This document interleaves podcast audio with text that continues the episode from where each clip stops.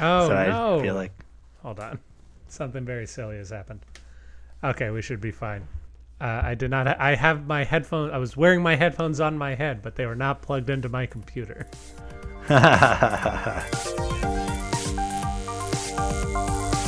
Well, I'm not a crook.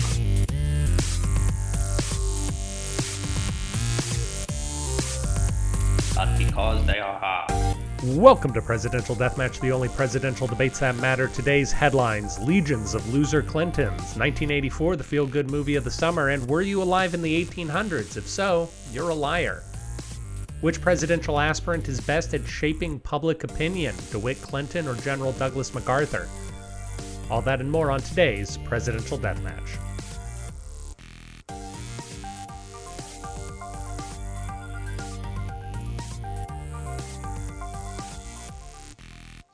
COVID didn't kill it, and losing their first space didn't kill it, then Cold Town is a virus that Austin will have to deal with for a long time.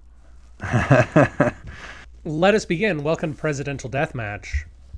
Uh, in uh, two episodes with Aaron and Dennis, two weeks in a row. It sounds too good to be true. da, da, da. I think today we are talking about. Oh, I should have brought the the thesis in with me. Uh, today we are talking about the ability of the executive branch to shape public opinion and public memory of events. Uh, and this is a complicated way of saying that the president has a lot of communication privileges with the American people that can adjust the way that people think about things and the way people see things. And originally, we were our uh, true truest fan, Jason Jonathan Rivas, uh, asked us like, "Hey, it'd be great to hear an episode about how y'all thought presidents dealt with the perception of wars, you know, like Wilson and Roosevelt." And I'd say, "Yeah, that'd be a really I, that does sound like a good episode."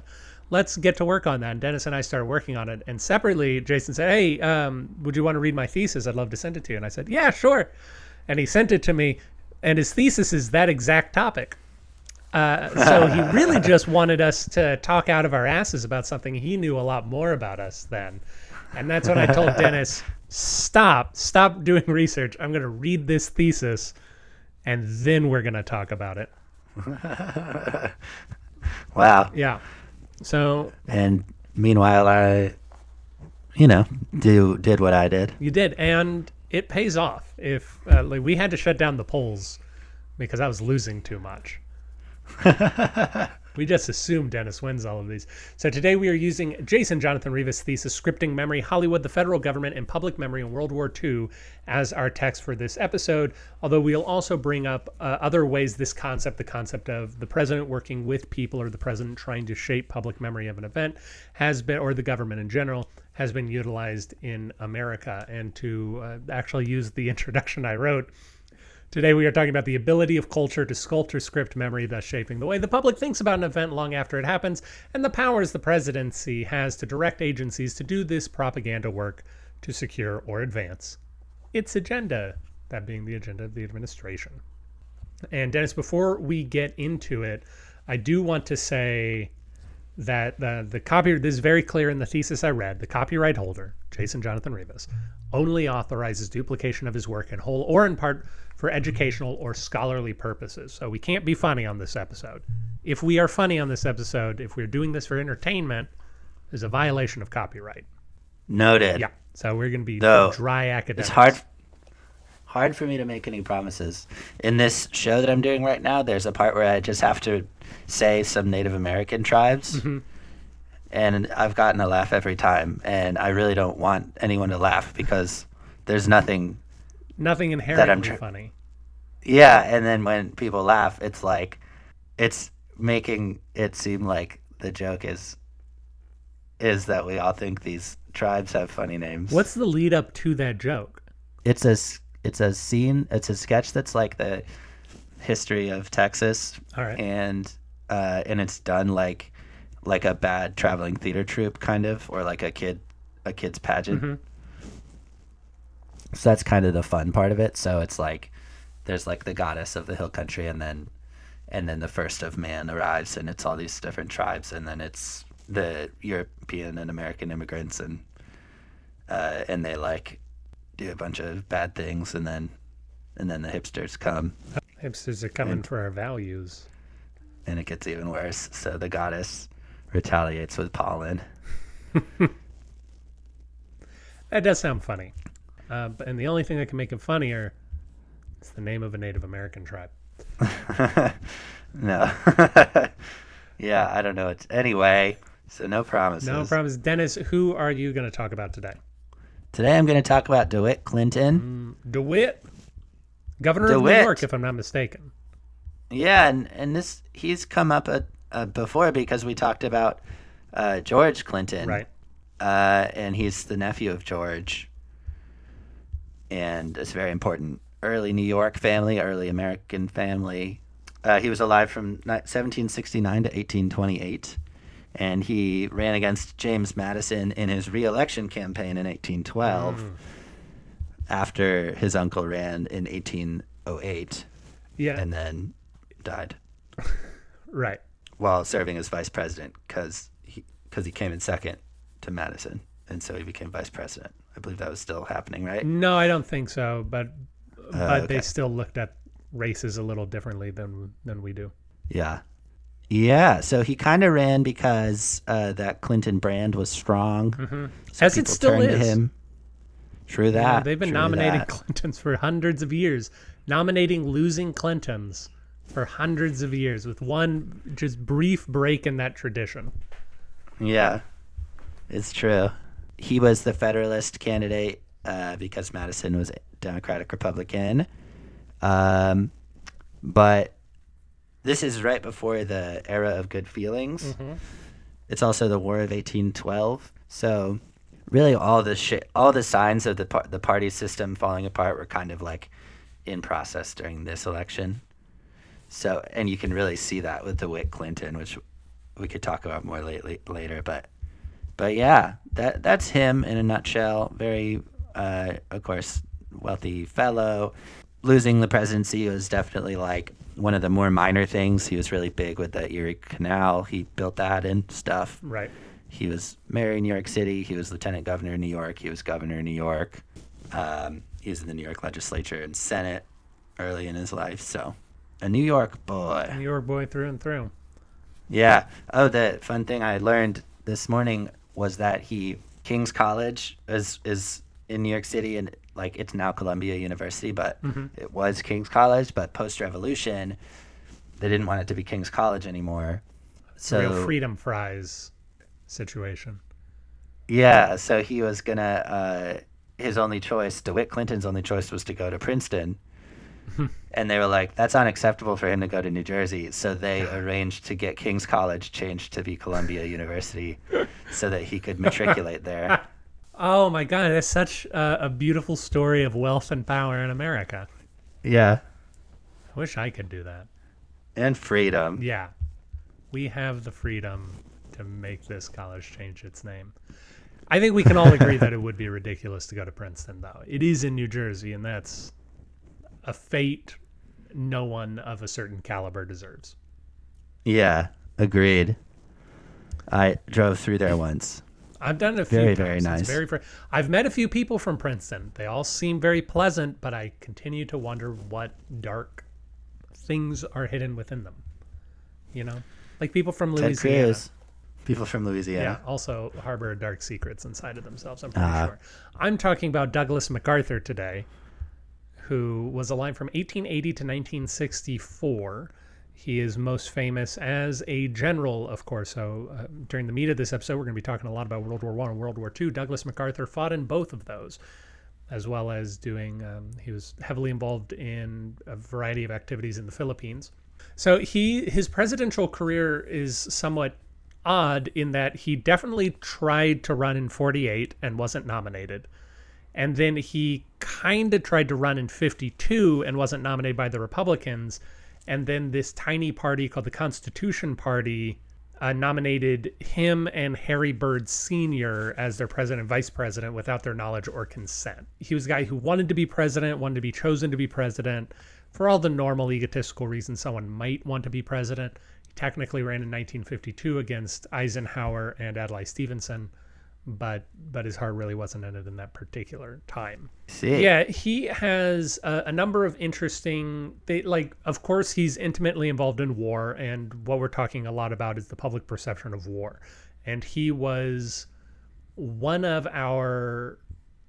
I I can't say first because I'm sure Ulysses S. Grant was a celebrity general, and there were a lot of Andrew Jackson was a celebrity general. We've had a lot of celebrity generals in our country's history, but he was one of the big celebrity generals of World War II, along with Eisenhower and George Patton. And he is known as an incredibly flamboyant and egotistical man, uh, a guy who really felt as though he deserved power, but his conduct during the Korean War is going to be where he really tries to uh, really tries to shape America's perception of not just the Korean War, but also Harry Truman's conduct of the Korean War. So we're going to get into that. But he did directly attempt to to ply his trade, and uh, ultimately unsuccessfully, as far as history is concerned. Although he was successful in his own day and age.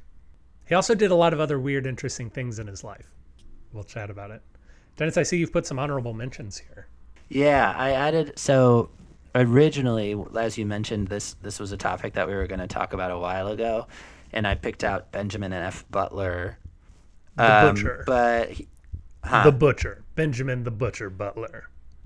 yeah, and then you ended up covering him recently, and you did a great job. So I felt like it wasn't necessary to do him again, but he was certainly in the Civil War like a major force, and he was, I think, as you put it, like he was a Union g- general, so definitely like, you know, mostly history is looking back on him positively, but he was like, he was the like really the force behind a lot of the mercilessness and the like being able to really look at the South as like not not a force of human beings, but just like something that needed to be like squashed.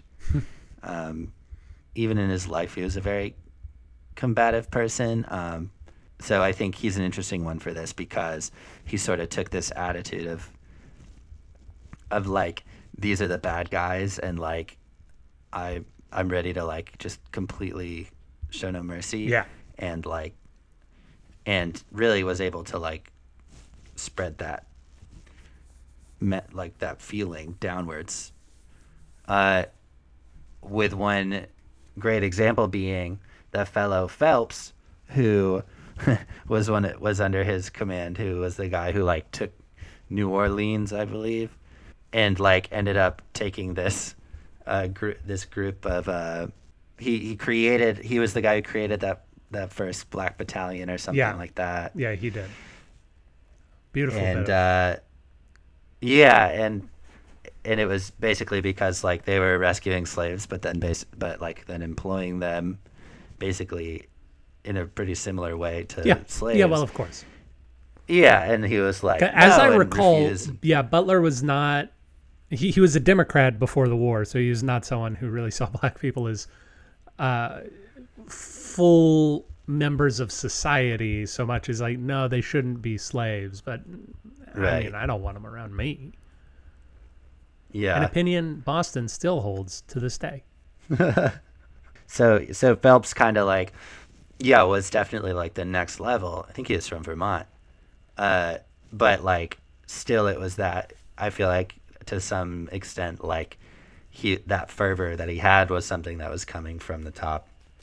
Um, so yeah, so I felt like it he deserved mention, and then uh, the other one I put on here was Sam Adams, just because I felt like you can't talk about like you know getting people hyped for war with, without talking about Sam Adams. No, of course not. Do you think there would have been a Revolutionary War without Sam Adams? I guess Yeah, someone de- else would definitely. have. Uh, Yeah, First of all, he wasn't even the only Adams who was hot on the Liberty Trail. yeah, He had a flair for the publicly dramatic, which was, of course, useful.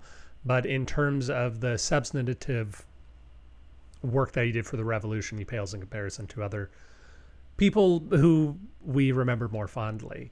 So I, I believe the revolution would happen without the Boston Tea Party. I believe that John Adams would get pushed into his liberty position without Sam Adams there. Do we think that the Boston Tea Party counts as propaganda?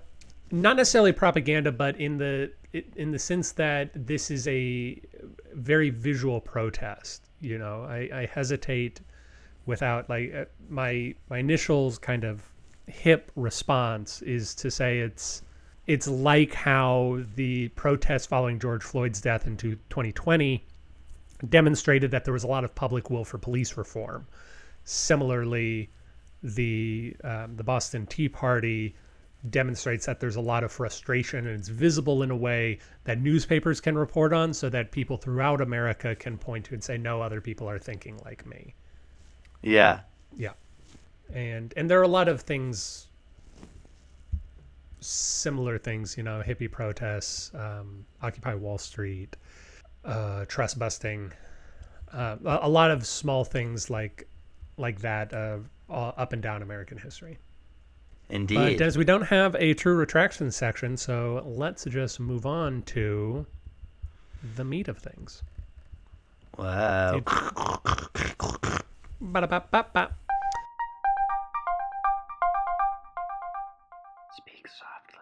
Uh, so, so we've already used the word propaganda. Let's define propaganda as well as some other important terms that we're going to be using throughout the day, or important concepts for the foundation of today's discussion.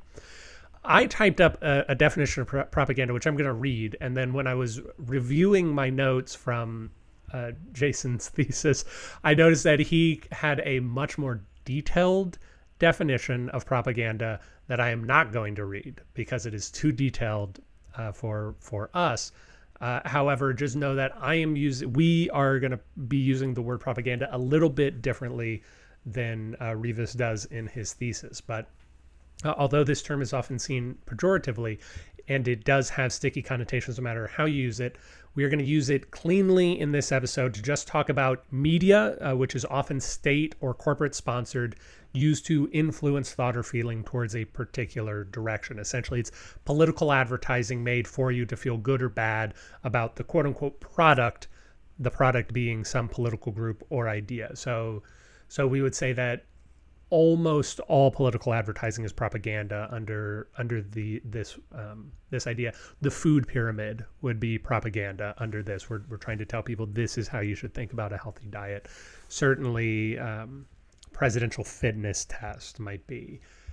And it is undeniable. In fact, during World War II, I, I believe it comes up. No, no, sorry, that's the Office of Censorship. But there are offices of propaganda. There are people who are tasked with creating propaganda, FDR in particular. You could see that a lot of the various things that the New Deal did, especially with public art, could be seen as propaganda under this definition. But we are not using it negatively so much as it's official media meant to influence thought. Word. Yeah, we're also going to talk about collective memory, also known as public memory. It is shared memory and understanding of past events by a collective group of people. This theory is initially theorized by Maurice Halbwachs. He considered our past is comprised of two elements memories that are easily accessible and remembered by others, and memories that are only accessible to one individual and recalled through triggered emotions. Uh, quote, in some ways, a memory of an event can be more potent than a scholarly historical interpretation of said event because of the emotional ties it has with the public. This is what we were talking about the Boston Tea Party just a second ago.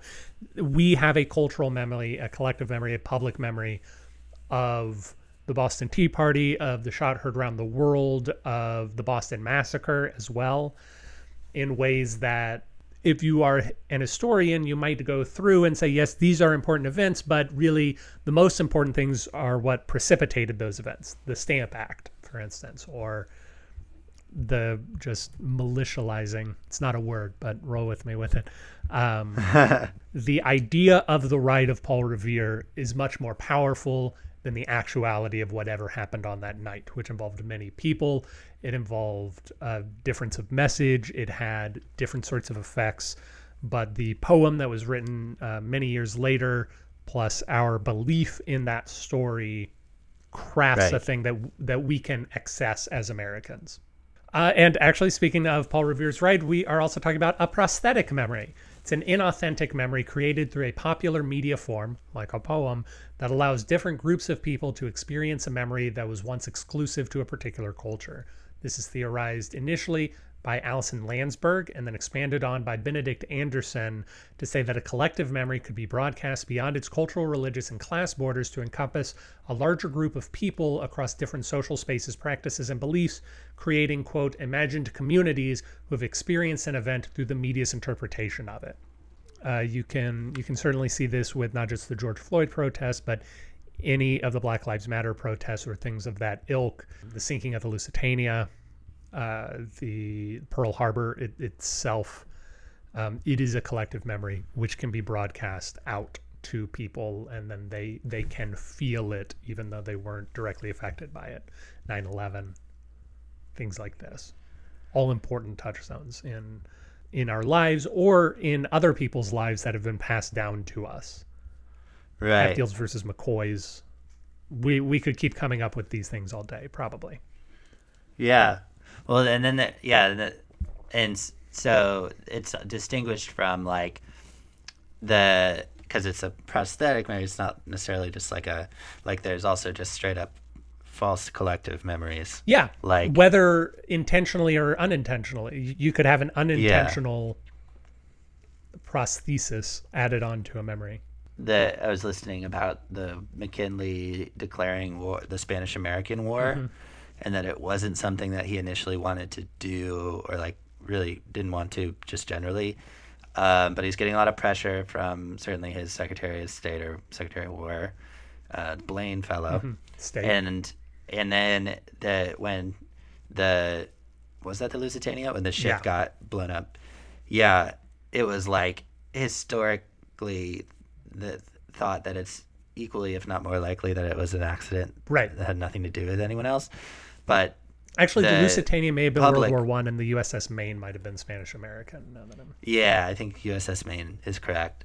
And so it basically public perception Maine. from the press covering it got to the point where everyone was just like decided it was the Spanish and like um, got very into that and they were like we need to def- we need to go to war and eventually he basically just had to cave because it was like popular demand right. So that's a, I guess, an example of uh, a prosthetic memory because it's not something that anyone experienced. Right. It's the media's interpretation the USS Maine actually being a fairly a palpable example of yellow journalism. The idea that journalists are Yeah. hyping things up uh, in order to sell more papers. They are looking for the dramatic, and that has an outsized effect on people. As it continues to this day, where people, you know, shoot up a Comet Pizza every so often because they think there are pedophiles in the basement. And uh, then the hatred of the Spanish continued. And in 1918, when the influenza epidemic happened, the press again called it the Spanish flu when there was no evidence that it came from Spain. Right. And everyone latched right onto that as well. There's also just this. I, I want to say it's herpes. It might be herpes or chlamydia, but there's um, an STD, and it, like every culture named it after whatever their enemy was. So the Brits called it the French disease, and the French called it the English disease, and the Danes called it the uh, Amsterdam disease for the Netherlands disease for whatever reason. Like for the Spanish, it was the the Italian disease and the Spanish disease from the Italian. Like every single person all had this, and it was universally or almost universally in Europe called by a, the disease of another country, whoever you happen to be fighting with at the time. yeah. Dennis, you've added Silly. some folk etymology here. You want to walk us through yeah that? i yeah i was gonna so this has more to do with what i was talking about um but so i guess i because i it's good you clarified on prosthetic memory because i was thinking of it as things that are like false but it's not. Um but the that false piece of it has an interesting linguistics analog in folk etymologies which is when the public like decides that the that they understand the origin of a word right. um, but it's actually not the origin of the word and but it makes sense so it sort of becomes the origin of the word and then language change can sometimes cause it to lean more into that perceived etymology and then at some point becomes actually part of the word. So, like, one example is shamefaced was an adoption from uh, German or, or similar similar to steadfast. Yeah. Where like the fast part means like holding, right? Like holding faster. So it's like holding steady is steadfast. And shamefaced was like being stuck with a shameful look. But it just made so much sense for it to just mean shame on your face. So it evolved into into literally being shamefaced. Um, and uh, brydguma was another interesting one, which is an, the old English word for like the groom at a wedding, and it just means the the man bride. Yeah.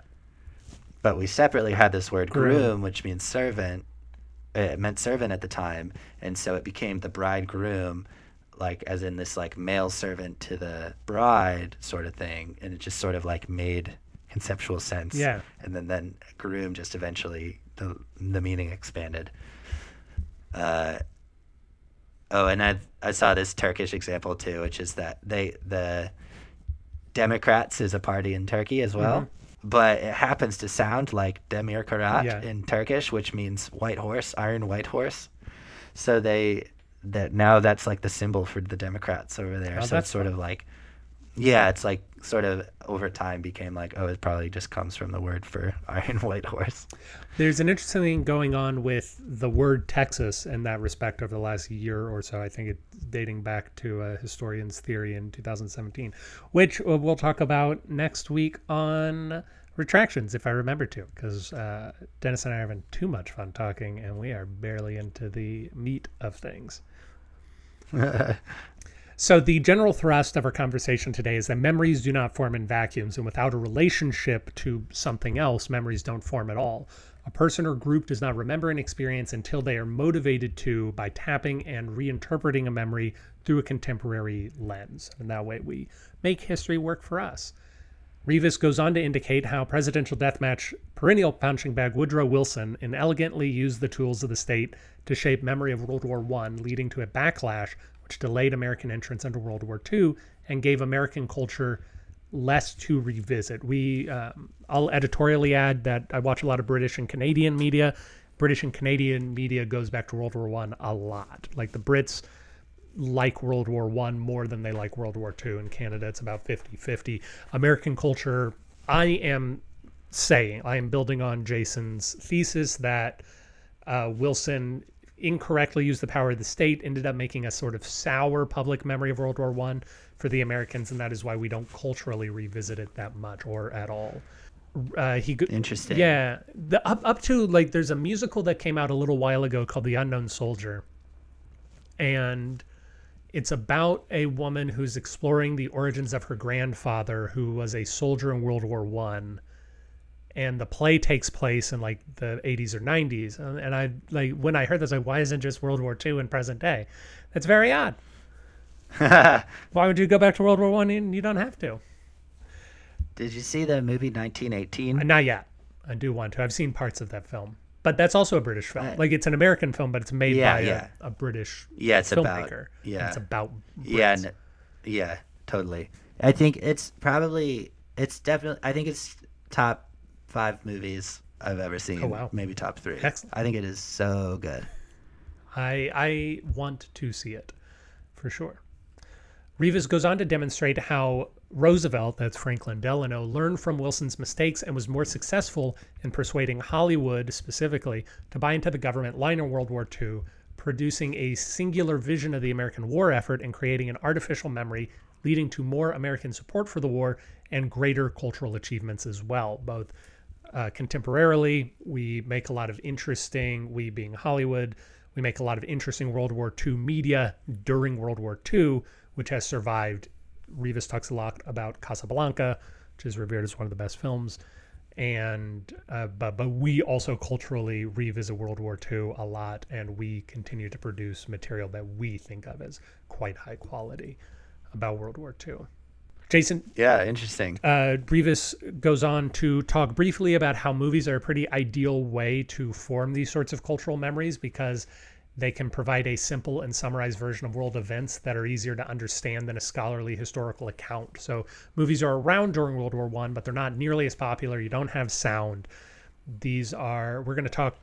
I know I have notes in here somewhere, but but he talks a lot about how prior to World War II, especially during the Depression, the most popular movies are comedies and fantasies, thing escapism that people can go into and that part of the job of the government during World War, the beginnings of World War II, is to convince Hollywood to start making starker, more uh, more realistic films and, and less stuff like the Magnificent Ambersons.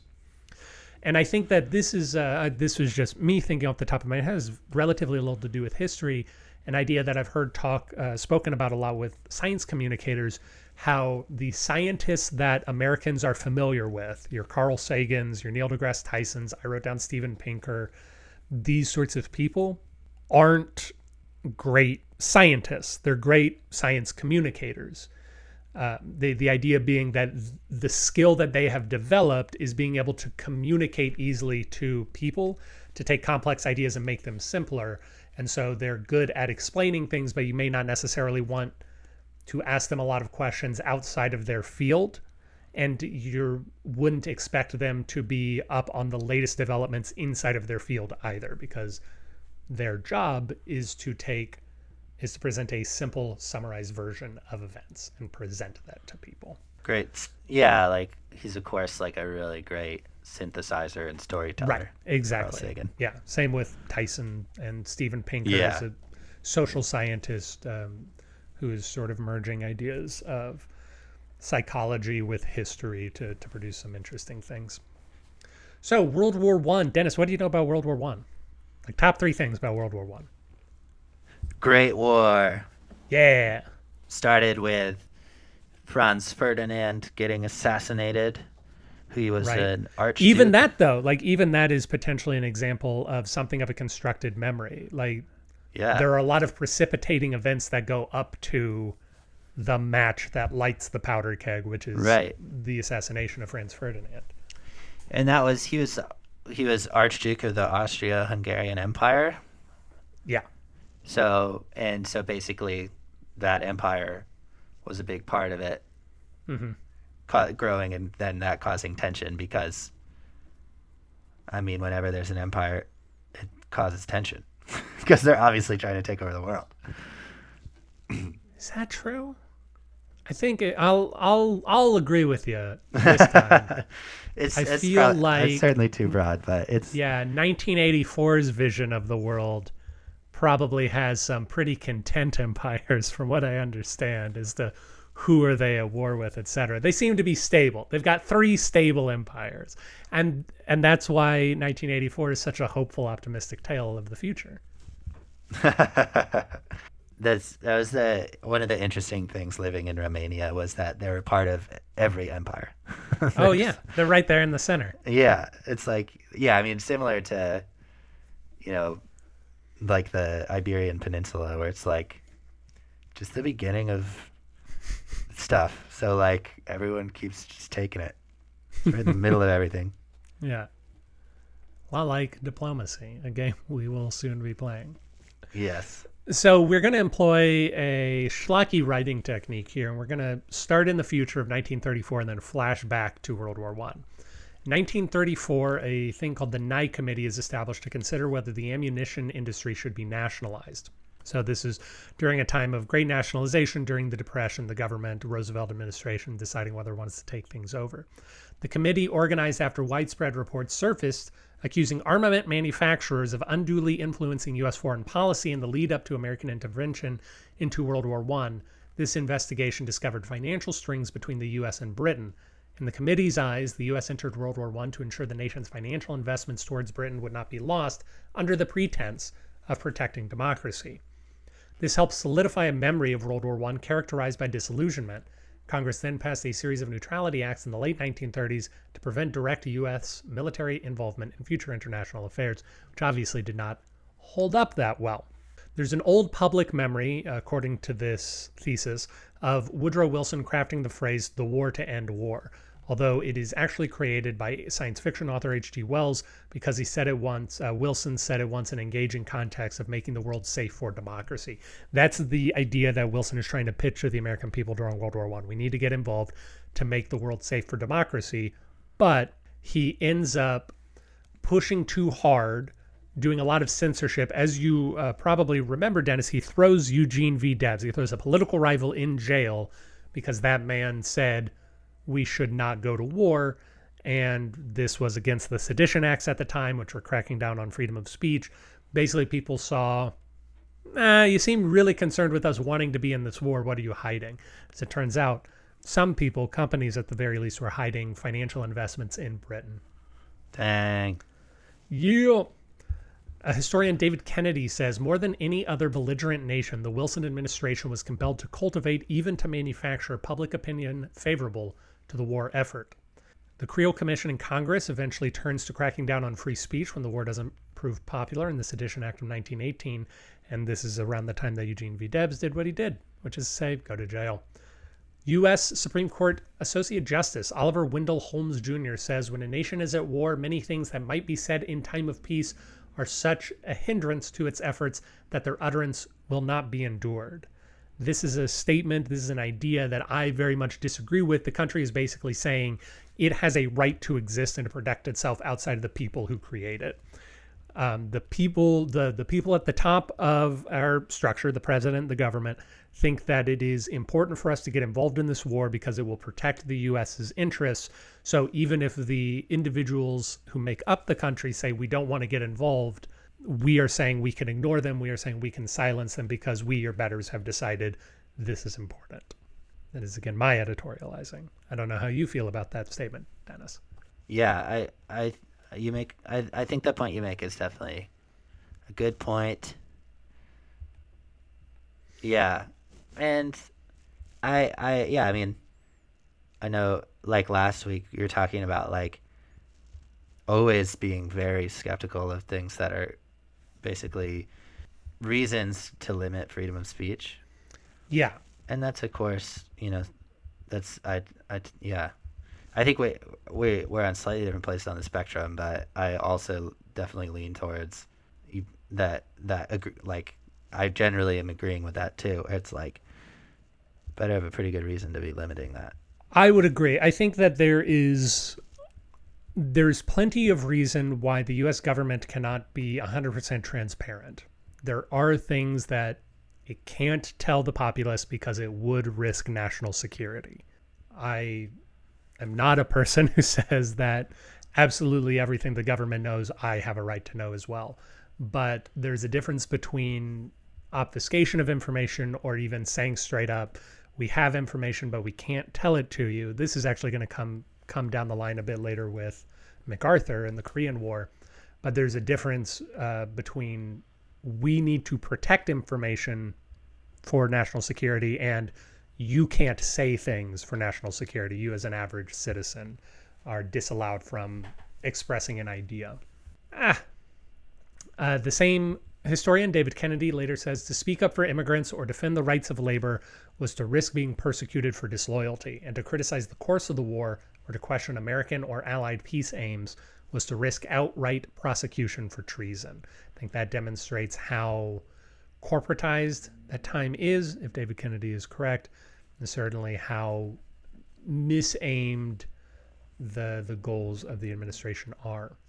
Ultimately, Wilson is unsuccessful in uniting the nation behind his foreign and domestic war agendas. Famously, the League of Nations doesn't take off. His failure left Americans with a bad memory of the war, which contributed to a return to isolationist rhetoric within American society and politics that would last for several decades, which, of course, leads to America not helping out in World War II when we could have, and we could have saved the lives of lots of people in camps. We could have saved the lives of a lot of people in France, a lot of people in Britain, a lot of death all around if we didn't have quite the same isolationist.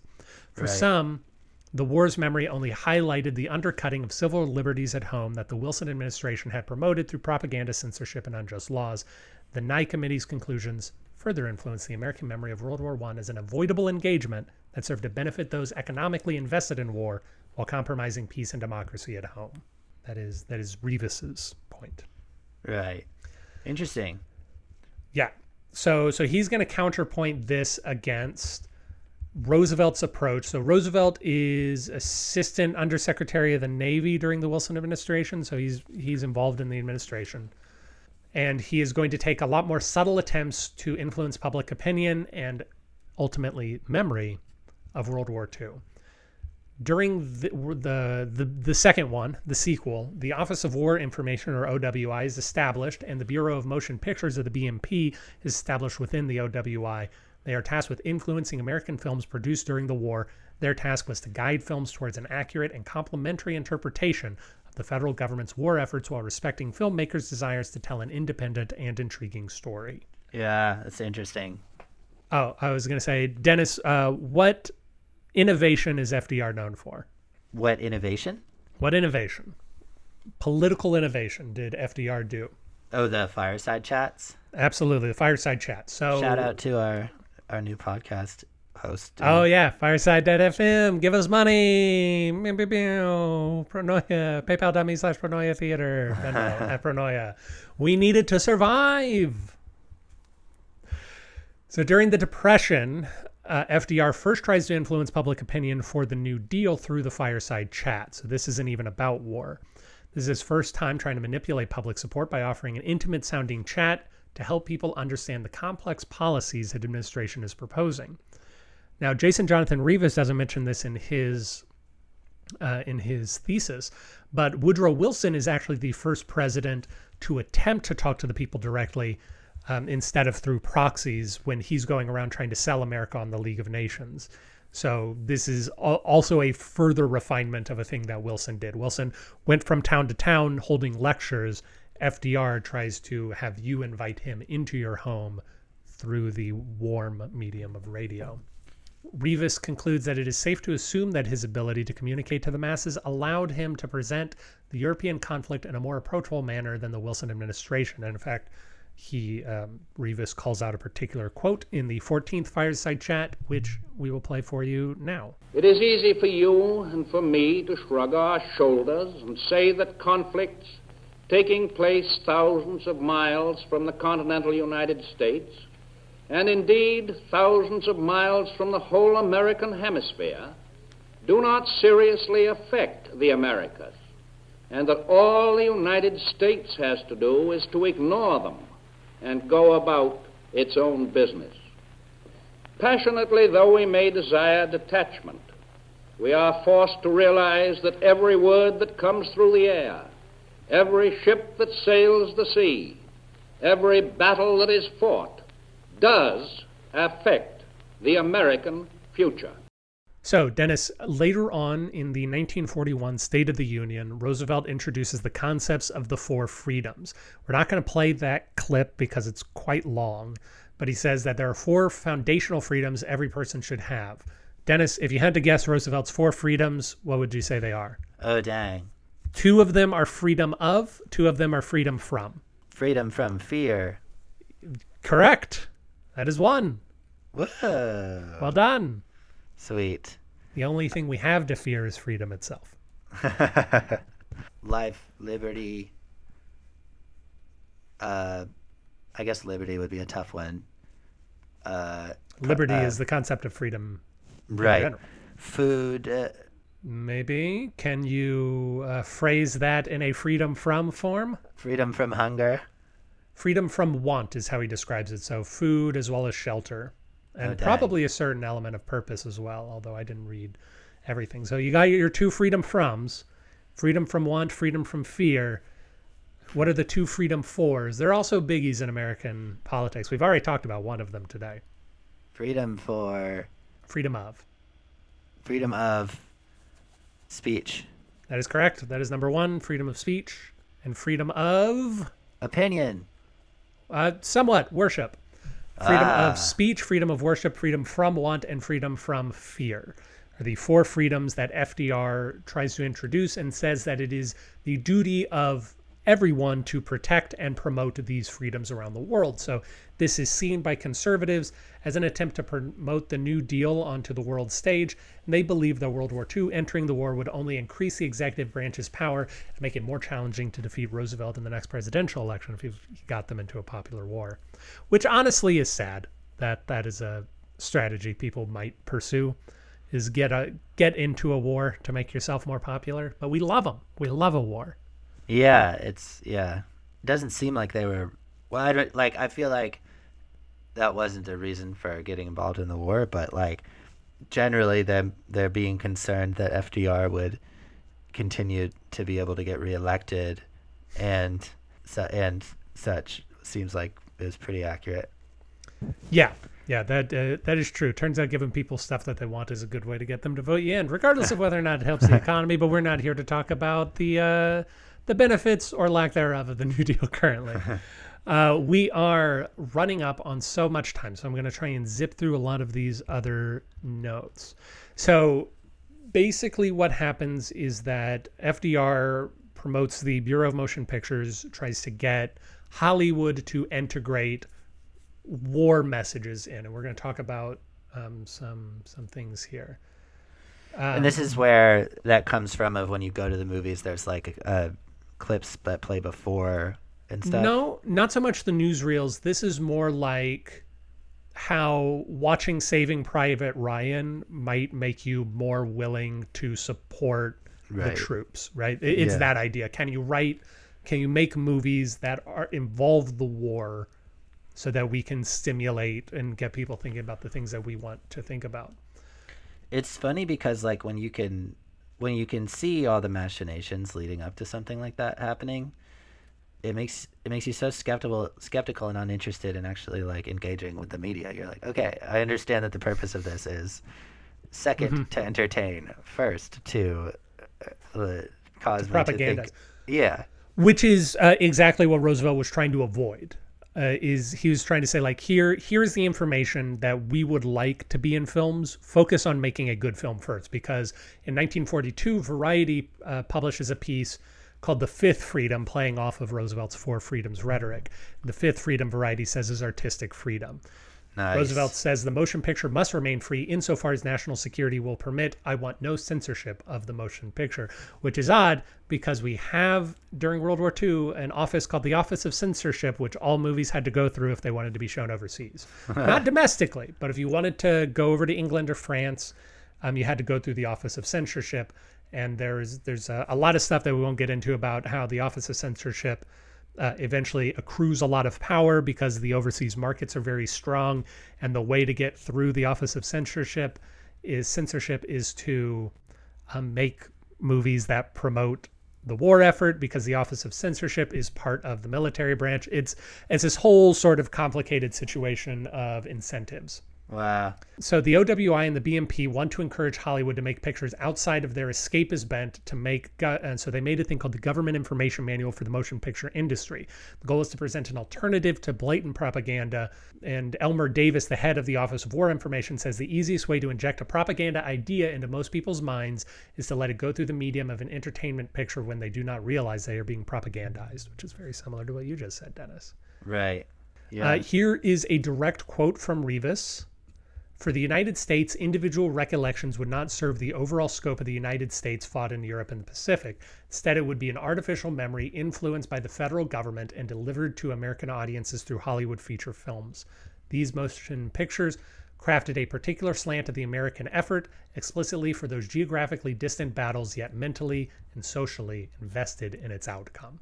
We are creating this stuff to tie the very distant people of America to the South Pacific, to Europe, get them involved.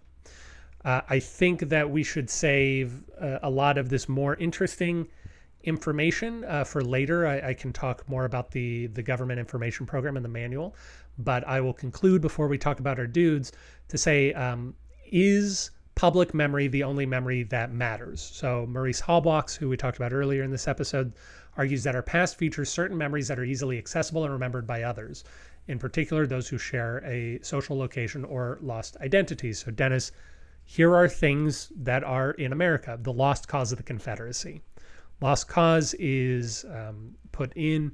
Jefferson Davis sort of enshrines the memory in his memoirs in the 1880s. This goes on to be the dominant theory from the southern states about the Civil War, possibly up through today, certainly at least through the 60s and 70s. The idea that uh, the the Northerners were aggressive. This is a public memory. Um, the idea of waving the bloody shirt. You you know it? Remember what that is? No. Waving the bloody shirt was what happened in the elections following the Civil War, where the Republicans would say Democrats started this war. The people who started the Civil War were Southern Democrats. Don't vote for the Democrats. Vote for Republicans. We got you out of the war. Speaking of, uh, Dennis, whenever people, uh, whenever Republicans are running for office, how do they describe themselves historically? America first. Uh, the party of Lincoln. They say we come like Right, we yeah, are we are the party of Lincoln. They are trying to say the Republicans of today are connected to Abraham Lincoln, a man we generally consider to be the best leader we've ever had. Yeah. These are all uh, ideas of public memory and um, artificial memory as well. We have crafted these feelings and we are trying to focus a contemporary our, our contemporary beliefs uh, onto the past. Yeah. It's so fascinating. Like we all we can know is what we live. Yeah. And everything else is just trusting what we're told. yeah. Or trusting our ability to finagle the truth out of what we're told. Yeah. Like no literally nobody knows what it, they happened in the 1800s, Yeah. um, let alone all the time before that. Which is interesting because, yeah, there are all sorts of books from anthropologists and things. I, I had one recommended to me recently that I, I think the argument was that we have a perception these days that nomadic tribes didn't live long, had painful, difficult lives, and we can't imagine that they were overly happy. This anthropologist is discussing, no, we think this is all of this is wrong these people live more socialistic lives, more com uh, communal lives, but we believe that they, broadly speaking, did live long. If you got out of childhood and you, you know, didn't break a bone, you would live like you would normally live. And we believe they were a lot happier. I haven't read the book, but I, I'm innately suspicious of the thesis, but that's because I have the perception that it accuses me of having, which is the one that's been given to me by my education. Yeah, there's a, a podcast called The Next Big Idea where they interview that author. Um, so you could check Oh, that out cool. as well. They, it, yeah, I need to go back and listen because I don't remember if I've listened to it or not, which means I don't know what that means. But, um, but Bluebell, I mean, when I think about my dog, Bluebell, she has a Mm-hmm. lot of fun, and it's hard for me to imagine that she wouldn't have still been just playing with other dogs in you know 10 in 10,000 BC. Right. So if that was her then I don't know why people would be any different. I, I um, uh, perhaps we can expand on these thoughts later. Let's uh, learn about the people we are ostensibly here to learn about: DeWitt Clinton and Douglas MacArthur. So, Dennis, can you tell us a little bit about how um how Clinton attempted to shape public perception? So so interesting thing is so the the Democratic Republicans were that's what James Madison was and so he's running for re-election. And George Clinton has died so people turn to DeWitt Clinton to try to face off against him. Uh, because of the War of 1812 in the Northeast, they want to basically make that the subject of the campaign and get someone else in because James Madison like made this war happen and flipped things. The problem was that DeWitt Clinton was not a Federalist; he was a Democratic Republican. So, so like, pretty much would have been the same as James Madison if he had gotten elected in a lot of ways, except that only insofar as him being a different person and not being the person who actually caused the war being probably the differences. So the Federalists didn't technically nominate him because they didn't want people in the Northeast to be like, "Oh, he's a Federalist. I'm not voting for him," because the the, Feder- the Northeast is where they were upset about the war the most because that's where it was happening. Right. So in the Northeast, he's like, "Oh yeah, I'm, you know, I'm a Democratic Republican. I'm anti-war. You should vote for me. And then he goes down south and he goes out west and because of the time that it was he just in those areas he just said i'm a federalist we need to adjust how we're doing this war i would do it better i would be stronger and and uh, yeah just like campaigned like that in those places so he did he did the best that a federalist had done in uh, in quite a while but at the same time he just like straight up wasn't a federalist so Right. um, i think it's it, it's percept he's using the way that war is perceived in different places to his advantage very much because it's definitely the big subject and he's also just like i mean just doing literally whatever uh, which is so funny because it's so classic Yeah, just uh, saying what he needs in order to get elected. Yeah. So that was a big thing. And then during the, I think, like, you could see how that would be his approach to things generally when you look at the fact that he knows that a lot of the mileage he's getting on the public stage is because of being a Clinton. And as New York governor, he, he used that to his advantage too. And uh, with the Erie Canal, they um, he joined for like the journey to like map out where they should put it and he journaled along the way and then his journal became a best-selling book so like very much you know a brand guy and then uh, similarly with his um, uh, once they actually built the canal he like went on the first ride him personally and took a jar of water from Lake Erie with him the whole way so that he could dump it in when they got to the other end into the ocean. So, you know, he he's grabbing the media, he's using it to his advantage and at a time when you know, that was I guess maybe not- trickier. yeah, trickier, uh new, not new maybe, but yeah. So that's him. Very nice. dude. Douglas MacArthur. We're gonna have to. Douglas MacArthur is one of the more storied histories. Like I said, he was a celebrity general in a war people love to study the minutia of World War II. So we're gonna skip over a lot of that, and we're gonna talk about one very brief item that I find interesting, especially from a propaganda perspective, and then two larger incidents that he did towards the end of his career. So he's from a military family. He actually has the distinction of being born in a place named for his family because his family was such big military folks that he was born in like the MacArthur base. And then Wow. he he moves around the the globe uh, as a child. During World War One, he is becomes what is effectively the first press officer in the army, as he is head of the Bureau of Information, which is an uh, a section that Wilson creates in order to propagandize the the country, which we've already demonstrated didn't work too well. But Douglas MacArthur is the first head of the Bureau of Information, and in that function, he is considered the first press officer that the Army ever had, which I think is intriguing for this topic. Secondly, he was head of the Pacific Theater of War during World War II. So Eisenhower is in charge of uh, the European um, theater. MacArthur is head of the South Pacific Theater. So he, uh, when Japan surrenders, MacArthur is the guy in charge of Japan. So in the same way that we occupied Germany for a little while until we got all the peace treaty stuff signed up and made sure that people weren't going to immediately rise up against us. MacArthur is doing all of that Japan in Japan, and that's a situation that I don't think we hear too much about.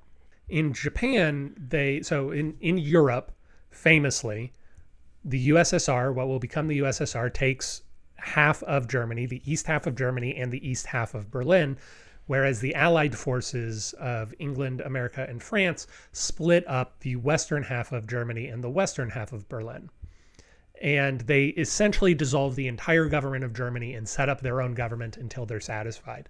That's not what MacArthur does in Japan. He allows the state to continue to operate just under his direction so that he is the sort of shadow figure behind the legitimate Japanese government.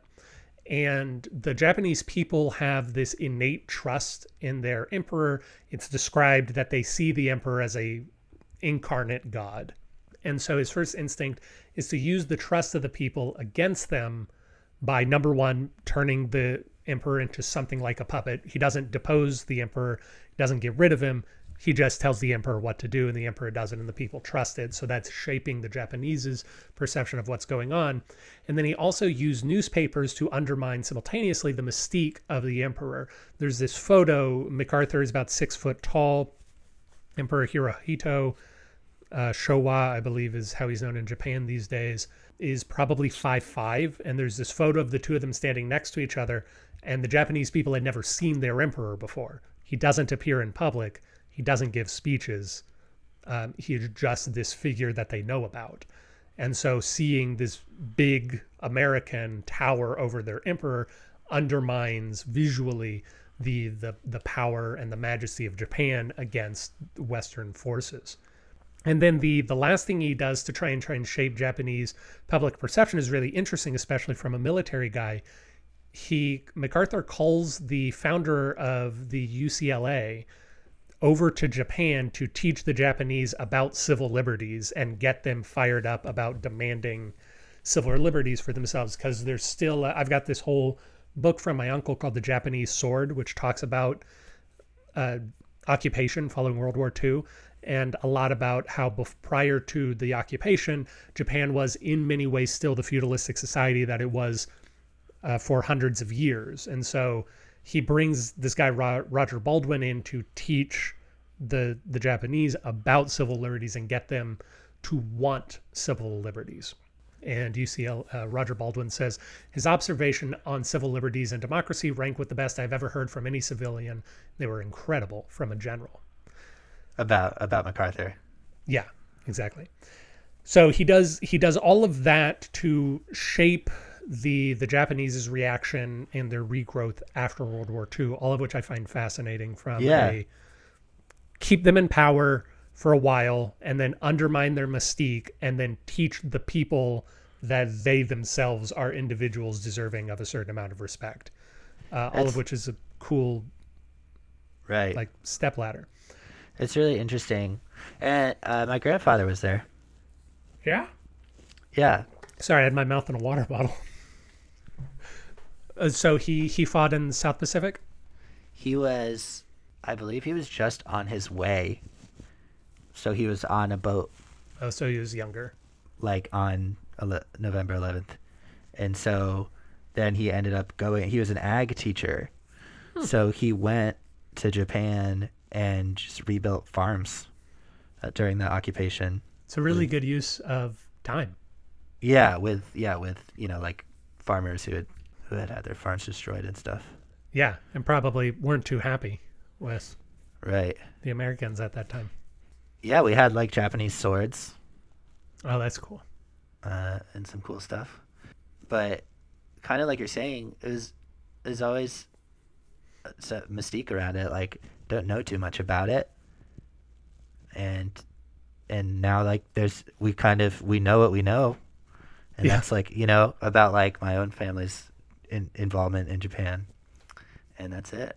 Well, I had another thing to talk about MacArthur, but I think I can save that next week because that's a nice, a nice idea to end on. I think uh, both the the uh, the the big question mark of we know what we know and what do we know and how much of what we know is influenced by people who want to guide us in a particular direction.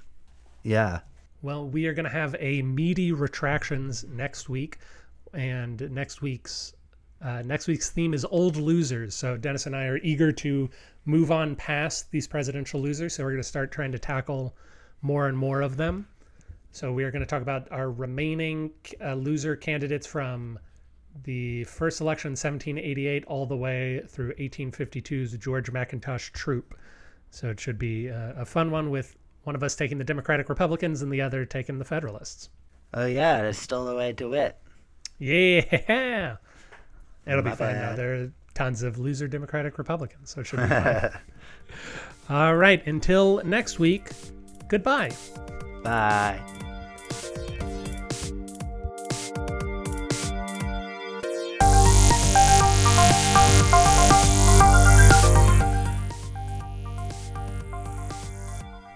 Thank you for listening to Presidential Deathmatch. Presidential Deathmatch is hosted by Aaron Garrett and Dennis Buddy and edited by Aaron Garrett. If you like the show, please consider giving us a review wherever it is. You can do that. We'd really appreciate it. If you didn't like listening to the show, well, why don't you come on back and give us another try? We really grow on you. If you want to reach out to us, you can do that at contact at pronoiatheater.com. You can also support the show in a variety of ways, including at pronoiatheater.com slash store. We hope you enjoyed it, and we hope to hear from you soon.